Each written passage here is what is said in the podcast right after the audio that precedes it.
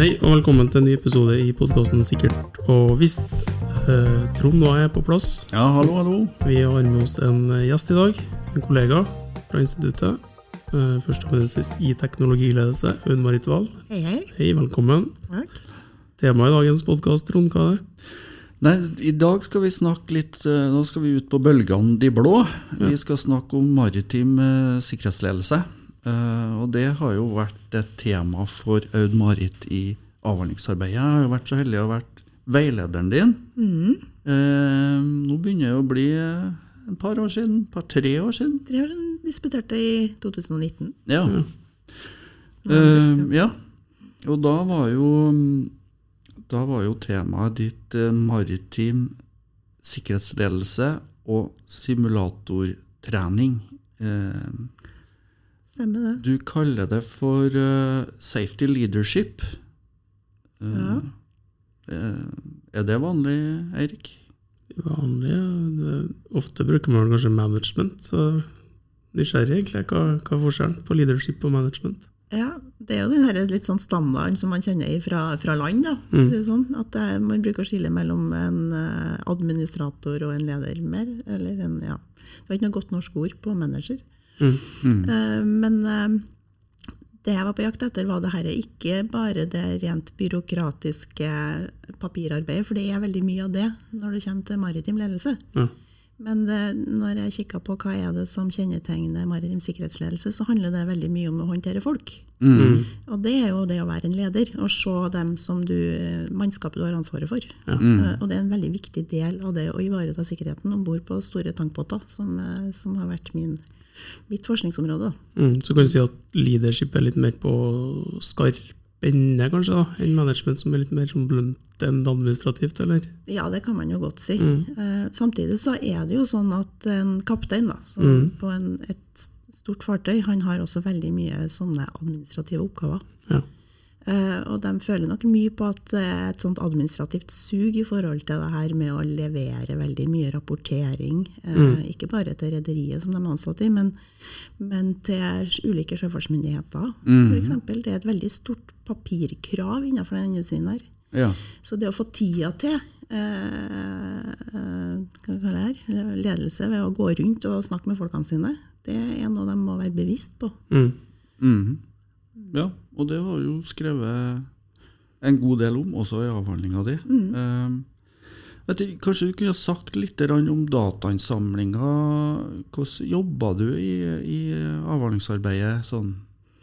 Det er, det er en kvalitativ studie. Eh, innenfor veldig sånn tradisjonell måte å jobbe kvalitativt. Eh, Brukte en del etnografiske verktøy. Det var ikke en etnografi, men uh, absolutt etnografisk tilnærming i forhold til at jeg brukte mye tid om bord på uh, tankbåter. Jeg var på besøk tre ulike tankfartøy. Var om bord til sammen en måned. Mm. Og gjorde intervjuer i tillegg til å observere. Ja. Ja. Mhm. Så det er en sånn veldig sånn kjent tilnærming innenfor kvalitative studier. Da. ja. ja. Et solid datagrunnlag, da, kan vi jo si. Ja, eh, jeg gjorde mye intervju. Altså Én ting er å intervjue da folk om bord, eh, og da passer jeg på å intervjue alle. Eh, for de er jo ikke så mange, de er noen og tjue på de store tankbåtene. Eh, eh, men klart det er jo mest relevant å snakke med dem som har lederposisjoner om bord. Mm. men jeg snakka også med ja, kokken og han som vasker, og, og um, dem som eh, plukker rust på dekk. Mhm. For de har en formening om hva som er god ledelse. Ja, klart. Ja. Og så var det viktig å være om bord for å se hva er det det her egentlig handler om. Eh, Og det ble veldig sånn tidlig tydelig at det her handler veldig mye om det å vise omsorg. Og bry seg om folkene sine. Ja. Eh, Det å være så tett på hverandre i ukevis og månedsvis gjør jo noe med formen for ledelse. Mm. Det er 24-7 i flere måneder, ja. Ja, det er jo det. Mm. Så det gjør jo noe med samspillet folk imellom. Ja. Nei, for du identifiserer jo seks sånn leadership, ledelsesferdigheter. Kan du si litt om dem? Ja, um, jeg bygde på, altså Det er jo en del innenfor det her området som heter for crew resource management. Da. Og det her med ikke-tekniske ferdigheter. Man snakker om altså ferdigheter som supplerer teknisk kunnskap, som en navigatør eller en maskinist må ha om bord på et fartøy. Eh, som handler om da det her med god ledelse. Um, eh, og det vanlige, vanlig er å se på kanskje fire, kanskje fem. Um, men jeg har lagt til litt, og så har jeg det noe med at det som kanskje er mest kjent, er situasjonsforståelse. Det er også å skjønne hva som foregår, og sette inn i en kontekst og håndtere situasjonen. Altså ikke komme på etterskudd i forhold til hva det som foregår, men det er også ja, Hvis du ser at det er, du begynner å miste kontrollen på et fartøy, så bør du jo ta tak i det så tidlig som mulig. Ja. Um, og det handler da om kommunikasjon også. Um, både på radio, men også ansikt til ansikt. På brua, mellom dem i maskin. Sånne ting. Um, beslutningstaking, selvsagt, er sentralt. Um, og så må du koordinere teamet ditt på en god måte. Um, mannskapet om bord. Mm. Eh, og for å få til det her, så er det jo viktig å være trygg i rollen som leder. ja. Um, og det er det en del som har snakka om, eh, men det er vanskelig å peke på hva er det som gjør at du blir trygg i rollen. da. Hva slags opplæring har du fått for å skape den tryggheten? Mm. Det har med erfaring å gjøre, kanskje? Ja. Og personlighet og Ja, det har det. Ja. Ja. Litt sånn pondus. mm. Um, eh, og det som jeg så var veldig sentralt, var, og som man um, både om bord på fartøyet, men jeg gjorde også en del datainnsamling på land, og så på simulatortrening, hvor man øvde på de her ferdighetene. Eh, og da så jeg det her med tilpasningsdyktighet eh, var veldig viktig. altså det her å Evnen til å lese en situasjon og justere lederstilen din til dem du leder. Ja. Eh, klart Det er sentralt innenfor mange andre lederteorier, men, men den her kontinuerlige justeringa 24-7 Mm. er veldig viktig, pluss evnen til å lære seg nytt. Mm. Ting er liksom det her ikke-tekniske ferdighetene og det er lederferdighetene, men det andre er jo du må jo hele tida lære deg nye tekniske ting. Mm. For å håndtere verden endrer seg jo veldig fort i, i Ja. maritim sektor. Ja. Eh, Og det er mye ny teknologi hele tida. Ja, det skal vi jo snakke litt om litt senere. Mm. Jeg tenker Når du var på de eh, tankbåtene, så altså det her med tilpasningsdyktighet og det, måte det å lese de folkene du har foran deg, eh, det så du kanskje ganske tydelig altså Det var jo internasjonalt mannskap på de tankbåtene, ikke det? Ja, også absolutt. Um, uh, på de to tankbåtene jeg var på i Nordsjøen, da, der var det norske kapteiner. Um, maskinsjef var gjerne polsk. Um, um, ja, en del østeuropeisk mannskap, men også veldig mye filippinsk mannskap. Mm. Så en god miks, men um, og ja, en tredje tankbåten så var det kroatisk kaptein eh, og indisk maskinsjef eh, og Ja. mye filippinsk mannskap. da.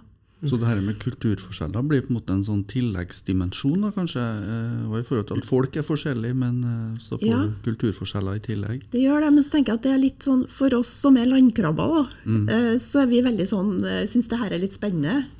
Men jeg tror for sjøfolk Mm. så er jo det her en del av arbeidshverdagen, og sånn har det jo vært i mange hundre år på Mm. sjøen. Man er vant til å jobbe i et internasjonalt arbeidsmiljø. Ja. Det er ikke noe de på en måte problematiserer unødvendig, da, for å si det sånn. Mm. Men det gir seg utslag i en del sånne artige ting som språk, f.eks. Ja. Jeg sleit veldig med å så forst- De snakker jo ofte engelsk som arbeidsspråk, men da, det her er med tilpasningen. De bruker da de mest effektive ordene fra ulike språk, som f.eks. Eh, noen effektive ord fra tagalo, altså filippinsk, eh, eller man har bra polsk uttrykk, eller man tar det engelske, eller man ja. Sånn at det var, kunne være litt vanskelig å henge med på. Ja.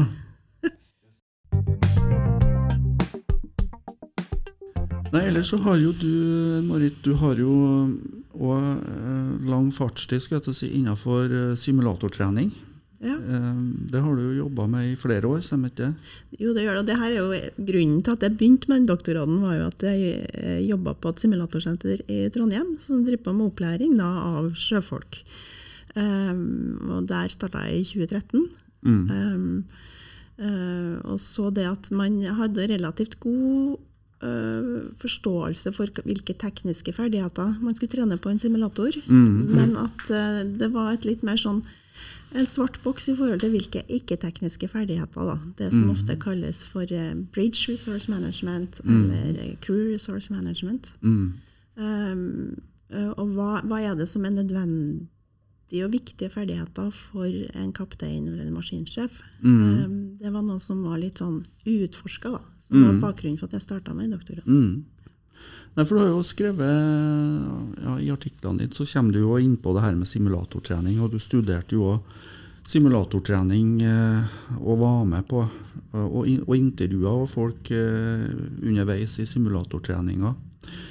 Men jeg ser på en måte i litteraturen så legges det jo veldig vekt på at simulatortrening skal være så, kan du si, så naturtro som mulig. Altså at det man ser på skjermene skal gjenspeile en ordentlig båt eller en ordentlig bru, f.eks. Um, så det snakkes jo om simulator fidelity Mm. i den sammenhengen. Det gjør det. det. Og det er noe med um, Man har en veldig sånn Det er både mulig i dagens datateknologi, eh, og, og litt sånn spennende fra teknisk ståsted tror jeg, å lage simulatorer som er så lik virkeligheten som mulig. Mm. Du kan få bru, bruer som ser veldig like ut det som faktisk er på en tankbåt eller på et supply-fartøy. Det, det, det er jo fullt mulig å lage det. Eh, Og du har jo simulatorer hvor du også får eh, Du kan føle bølgeeffekten Ja. eh, som står på sånn streksdag, sånn Ja. at du kan ha den følelsen. Ja. men det er så at eh, og du, du, altså det her kan jo, du kan jo lage simulatorer, de blir kjempedyr, veldig fancy, veldig kul teknologi. Eh, men, men er det egentlig nødvendig for å lære det du skal lære? Det stilte jeg spørsmål ved. Mm. Eh, og kom fram til at det er en del andre ting for å skape et godt læringsmiljø. Da. I en simulator så er det en del andre ting som kreves enn bare den datateknologien. Eh, det handler mye om instruktøren. Eh, at det er en kunnskapsrik person, men også at han eller hun er flink til å involvere og skape et godt læringsmiljø. Eh, Du, kan være kjempedyktig navigatør, hvis, men hvis du ikke evner å lære bort, sant, så, så sier det seg sjøl at det, da blir det et dårlig læringsmiljø. Ja. Og så handler det om samspillet mellom dem som er på treninga. Ja. Det er kjempeviktig, for at mye av det, både den tekniske treninga, men også den ikke-tekniske, handler veldig mye om å jobbe i et crew.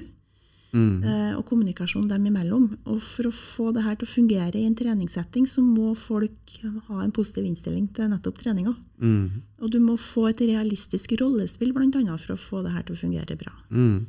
Eh, Og da er det ikke alltid at det er nødvendig med den her mest tekniske realismen i simulatoren. Da. Det, noen ganger så kan du på en måte eh, skape vel så god realisme gjennom et godt rollespill, eller gjennom å ha ja, ordentlige sjekklister, f.eks. Mhm. Ganske overførbart til andre næringer. òg, tenker jeg ikke bare simulator, men all type opplæring, trening. Ja. At man må er nødt til å legge vekt på den sosiale dimensjonen i tillegg til det rent tekniske. Ja, ja. Men det er veldig lett. Altså, de har på en måte Det er underkommunisert, spesielt innenfor mm. maritime treninger. Eh, eh, jeg så det jeg syns det var litt interessant å forfølge det og, og spørre instruktører, og også dem som er på trening, da, hva de tenker. Har det ført til noen endring i måten man driver opplæring på? Jeg vet ikke, det er kanskje noe med bevissthet, da. Mm. men det jeg ser, de er Jeg tror mye av det som er resultatene i min forskning, er jo mer det å løfte fram det de allerede gjør. Ja. Og vise at det er faktisk andre ting i spill her enn bare det tekniske innenfor simulatorene. For eksempel, mm. at det er, noe, det er noe med måten de legger opp treninga på. Var veldig, instruktørene var veldig opptatt av uh, det her med at de må være fleksible når de lager, lager et kursopplegg. Eh, De har på en måte noen sånne læringsmål, sånn som i all annen læring. sant? Mm. Og noen minimumskrav de skal gjennom. og De kan jo ofte kanskje en eksamen de skal bestå på slutten her så de, de må jo lære noen ting. Men veien dit må hele tida justeres til dem, dem som er på kurs. Da. Det er ofte to-tre stykker som er på disse kursene. Så at de er jo ikke, det er jo ikke så mange, sånn at du har muligheten til å justere til, til kursdeltakerne. Mm. Uh, og de er opptatt av det. Så noen ganger kan ta en simulatorøving det planlegges til tre timer, men du avslutter etter en time fordi at du ser at du har de allerede oppnådd læringsmålene. Jeg tror det er viktig budskap til alle typer opplæring. Altså, nå kommer sikkert VR, virtual reality, inn mer og mer på banen til forskjellig opplæring. Og da blir det enda viktigere å tenke på den sosiale dimensjonen, som du sier. Nei, så, sånn sett så, Du introduserte jo dette social fidelity som begrep da på engelsk. ja. Om, eh, skal, Hva hva, skal vi si hva skal vi si på på norsk? Ja, sosial Fidelity er jo båndbredde, da. Ja, Det høres jo litt sånn uh, At det er naturtro eller realistisk også sosialt sett, ja, kan man det, si det? De sosiale interaksjonene da, må Ja. fungere Mm. for å få til den læringa du er på jakt etter. Ja, for det jo, var jo en diskusjon, husker jeg, om eh, Altså Når man har, er på simulatortreningskurs, så kommer det jo folk fra masse forskjellige rederi og som er på en måte i, blir satt sammen i en klasse. da. Så, så var det jo en diskusjon, husker jeg, om at kanskje kunne det vært eh, en god løsning å ha et helt crew som jobber sammen til vanlig. Sammen på et simulatortreningskurs. Ja, og dem- det, det har jeg vært med på at har, man har hatt litt begge deler. Da. Eh, nå er det ganske vanlig at et rederi bestiller kurs til sine folk, sånn at man har de er i hvert fall samme rederier, selv om de ikke jobber på samme fartøy til vanlig. Da. Ja. Uh, men uh, det er, no, det er en annen læringseffekt av å jobbe sammen med det crewet du jobber til vanlig. Og det ser ser du spesielt i forhold til det her med ikke-tekniske ferdigheter. Ja. Den, den muligheten du da har til å øve på en del ting og uh, utfordre dem på en del satte ja, interaksjonsformer som de har om bord. ja. Det er jo noe helt annet hvis du har et crew som skal trene sammen. Mm.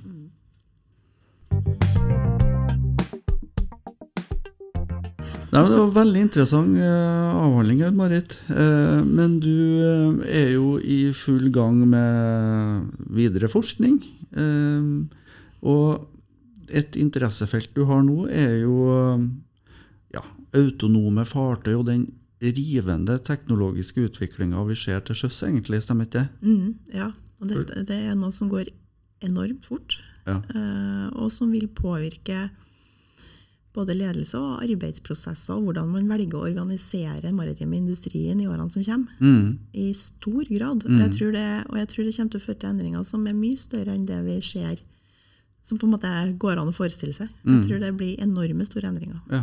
Hva er autonome operasjoner? Ja, det her med autonome skip, altså den, den drømmen man har, er jo at man kan fjernstyre fartøy fra land, sånn som droner. sant? Eh, at du ikke trenger å ha mannskap om bord, for det er jo en stor kost ved det. Eh, og eh, det er jo også det at det er jo en del som hevder at det å ha mannskap om bord også utgjør en uh, sikkerhets... eh, eller sånn, en risiko. Mm. Eh, fordi at man gjør jo en menneskelig feil.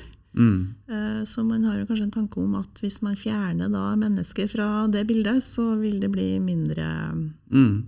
mindre ulykker Ja. på sjøen. Ja. Hva tror du om det?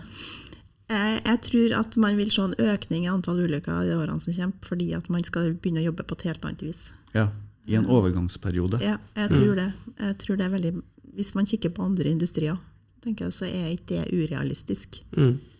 Um, og man, man, man gjør så store endringer på flere områder. Eh, det er én ting at du skal på en måte fjernstyre det her fartøyene fra land, Mm. eh, som da krever mm, stor forståelse på datateknologi og en helt, annet, altså en helt annen situasjonsforståelse. Men i samme slengen, hvis vi kikker på Yara Birkeland for eksempel, som er veldig kjent i Norge, da, mm. som nå så vidt har begynt å seile, Mm. Eh, så skal det jo også være elektrisk, helelektrisk drift av disse fartøyene. Eh, Og da begynner man å gjøre store endringer eh, på fartøyene i seg sjøl, altså teknisk. Mm. Uh, og, og det er jo noe med det, tenker jeg, fra sikkerhetsforskninga. Altså når du endrer på veldig mange parametere samtidig, hvordan klarer du å ha en god nok forståelse av systemet da? Hvem er det som klarer å ha det overblikksbildet, da? Mm. Mm. så- Hvor langt har man kommet nå? da? Altså, du nevnte Yara Birkeland. Kan du si litt om Yara Birkeland og eventuelt andre?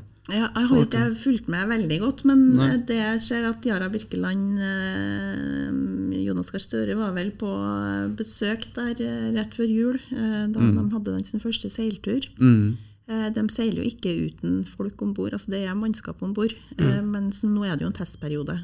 Ja. Eh, Og så har ASKO et, eh, også et eh, prosjekt i Oslofjorden eh, som går mellom oss og Horten, som er da en sånn eh, Container... containertransport. Mm. Som skal fjerne lastebiler fra, fra eh, veldig belasta veier i området. Mm. Så um, det, det går ganske fort. Eh, de ble satt litt tilbake sånn tidsmessig pga. pandemien, rett og slett. Ja. Det har tatt litt lengre tid enn de eh, Ja. hadde planlagt. Ja. Jeg tenker sånn, Et sånt autonomt skip, da eh, det, må, det må jo kontrolleres på et eller annet vis. Eh, og det innebærer jo at, sannsynligvis at man har noe kontrollrom eh, eller kontrollsentraler på land da, som eh, følger opp det her. Eh, og et tradisjonelt mannskap om bord, altså blir det på en måte Er det copy-paste over i et kontrollrom, eller hvordan, eh, hvordan organiserer man det? Ja, Det er et veldig godt spørsmål, Trond, for det er en av de tingene de driver og tester ut nå. Da. Um, det er, skal vi på en måte ha samme strukturen på land, med samme, samme autoritetsstrukturen. Mm, Hvor du på en måte har en kaptein som er navigatørutdanna, som tar de endelige beslutningene, um, og som er juridisk ansvarlig. mm, Um, eller skal vi se på en annen form for struktur? Hvem, hvem er best egnet til å sitte i et sånt kontrollrom? mm, Um, og én ting er å styre ett fartøy, men det de fleste snakker om, er at du i et sånt kontrollrom har muligheten til å styre en flåte. mm, Sant? mm, Um, Hvor mange trenger du i det her rommet? Men ikke minst, hvem tar beslutninger? Mm, Eh, og én ting er i normaloperasjoner, men eh, hvordan håndterer du det når ting begynner å bli kritisk? Mm. og det, disse overgangsfasene er jo veldig interessante å se på. mm. Har man kommet langt på det, de her avklaringene der? Eh, kjenner du til det? Jeg kjenner ikke noe godt til det. Jeg vet Nei. at de, det, det er jo en organisasjon som heter Masterly, som er et, et samarbeid mellom Wilhelmsen Ship Management og Kongsberg Maritime, Mm, som jobber mye med det her. Mhm. Eh, Og som har da et, det de kaller et Remote Operation Center, eh, som drifter Yara Birkeland og ASKO-fartøyene. mm, eh, tanken. Sånn at de, de jobber jo med det. mm. Mhm. Ja. Ja. Nei, for det reiser jo noen problemstillinger. La oss si um, uh, det skjer ei ulykke, da. Uh, en teknisk svikt, f.eks., som fører til ei ulykke. Eh, hvem er juridisk ansvarlig hvis det skulle være noe erstatningsansvar, f.eks.? Er det leverandøren av de tekniske løsningene? Er det organisasjonen som kontrollerer fartøyet som sitter på land, eller Og det som er interessant, for det er jo gjort mye studier innenfor kontrollrom, eh, eh, f.eks. fra kjernekraftverk eller togoperasjoner. Eh, Der er det jo gjort, gjort en god del. Men det som er litt unikt med det maritime, er at det er mange kontrollrom som skal samarbeide på land. Mm, Det er ikke sånn at alle sitter på én lokasjon.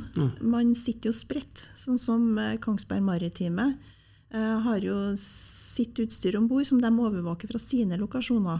Eh, og kanskje ikke fra samme sted engang, de har det kanskje på flere plasser. mm, Um, og så har du dem som drift, sørger for den daglige drifta. Du har beredskapsorganisasjonen. Eh, Du har da logistikkpartner, f.eks. ASKO, dem som skal sørge for vareflyt. Mm. det, det her er mange kontrollrom, eh, mange, mange ulike organisasjoner som skal samarbeide i sanntid. mm. Eh, Og det er mm, fra forskningsståsted er veldig interessant. Mm. Eh, Hvordan de har tenkt å Ja. få til det her. da. Mm. Men jeg tenker litt sånn Maskinister. Deres rolle må jo endre seg litt til en sånn med, Ja. altså, Jeg vet øh, petroleumsnæringa snakker om den digitale fagarbeider. Er det litt sånn i samme gata maritimt òg? Ja, for du må jo gå ifra den, eh, Når jeg var på bord på de tankbåtene, så er maskinisten han tar seg jo en tur i maskinrommet og hører og lukter og kjenner og kobler veldig mye sanseinntrykk for å oppdage Mm. eh, når ting er i i ferd med å gå galt. Eh, og det blir jo noe helt annet når du sitter og overvåker fra land. Mm. Eh, sånn tilstandsmonitorering har vi holdt på med ganske lenge. Eh, men det en av utfordringene der er jo nettopp den her, det sanseinntrykkene. Å koble de ulike informasjonskildene på en god måte. Mm.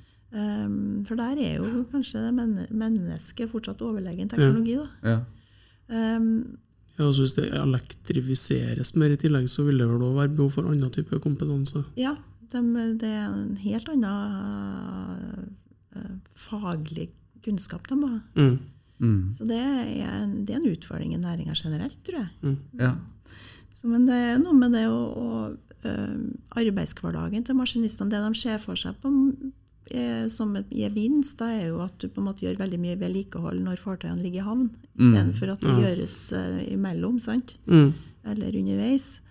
Uh, og at du da på en måte mm, ja, kan både standardisere og gjøre mer effektivt. Mm. Eh, Mm. så, men det, igjen, altså, det blir en helt annen arbeidshverdag. Ja. Mm. Ja. Jeg tenker Det har jo vært en utvikling som har, man har sett litt over tid òg. Jeg tenker Det har jo kommet stadig mer avansert teknologi om bord på fartøyene. Også, du nevner overvåking av eh, maskin. Mm. Eh, og man, har jo, man sitter jo gjerne med, med flere skjermer og overvåker en maskinist i dag også, altså om bord. ja, ja. Man sitter mye i kontrollrommet. Ja. Ja. Og så har man òg masse teknologi på brua med dynamisk posisjonering og Mm. andre typer hjelpemidler da, som på en måte fjerner folk litt rann, kanskje fra det vi tradisjonelt tenker på som sjømannskap. da. Så, men det er vel et sprang det her selvfølgelig da, når man fjerner mannskapet totalt fra båten. Ja. Så er det jo noe helt annet, selvfølgelig. Ja, og man ser jo ikke for seg at det kommer til å skje med det første. Det er jo det, det er en overgangsfase. Mm. Uh, og jeg ser sånn som eh, ja, Sintef Ocean har jobba en god del med det her. Mm. Uh, de, de peker jo på at det er jo ikke fullstendig autonome skip uh, som er det som kommer til å komme med det første. Det er, noe, det er en testperiode, og eh, hva fremtida bringer i forhold til det, det er man jo litt usikker på. Ja. Men, men at man får et redusert eh, crew om bord, det er vel ingen tvil om. Nei. Nei, og så er det vel litt sånn Hvor er det egna hen per i dag, da? Altså Det er vel litt kortere strekninger langs kysten, altså ikke langt fra land. Ja. Det er vel et, en stund til man ser eh, deep sea, skulle jeg til å si, altså lange eh, transatlantiske ferder, f.eks. Ja. Skulle at det steget er ganske mye større, ja. ja. ja. Um, og jeg jeg tenker jo i forhold til sånn krisehåndtering. da, så Hvis du har da et, et fartøy som blir liggende og driver for motortrøbbel eller kolliderer, eh, Mm. går på grunn, hvordan håndterer man det Mm. fjernt? Altså, hvordan, hva slags beredskapsorganisasjon skal du ha på plass da, for å få til det? Mm. Ja, altså, det er ofte sånn at man er litt eh, avhengig av egeninnsats de kritiske første minuttene når noe skjer òg. Ja, Mm. det er jo det. Og det er jo, hvis det skjer på et litt feil sted, så er jo kommunikasjonsteknologien er jo, Vi mangler jo Mm. dekning på satellitter, bl.a. i forhold til det her med, med god radiokommunikasjon. Ja. På enkelte steder. Det skal ikke så langt utenfor norskekysten før enn det blir vanskelig, liksom. Mm. Mm. Så, um, ja. Nei, det er mye utfordringer, og, og da er det jo, jeg tenker det, og syns jeg er spennende, da hvilke ferdigheter skal de trene på? De som skal Ja. både bemanne det her kontrollrommene, men også ferdighetene for dem som skal være igjen om bord. Mm. Mm. Uh, og hvilken miks av ferdigheter skal vi ha? Mm. Uh, hva kreves i forhold til kommunikasjon og beslutningstaking? Mm. Eh, og, um, Man stokker kortene på nytt igjen, på en måte. Ja. ja.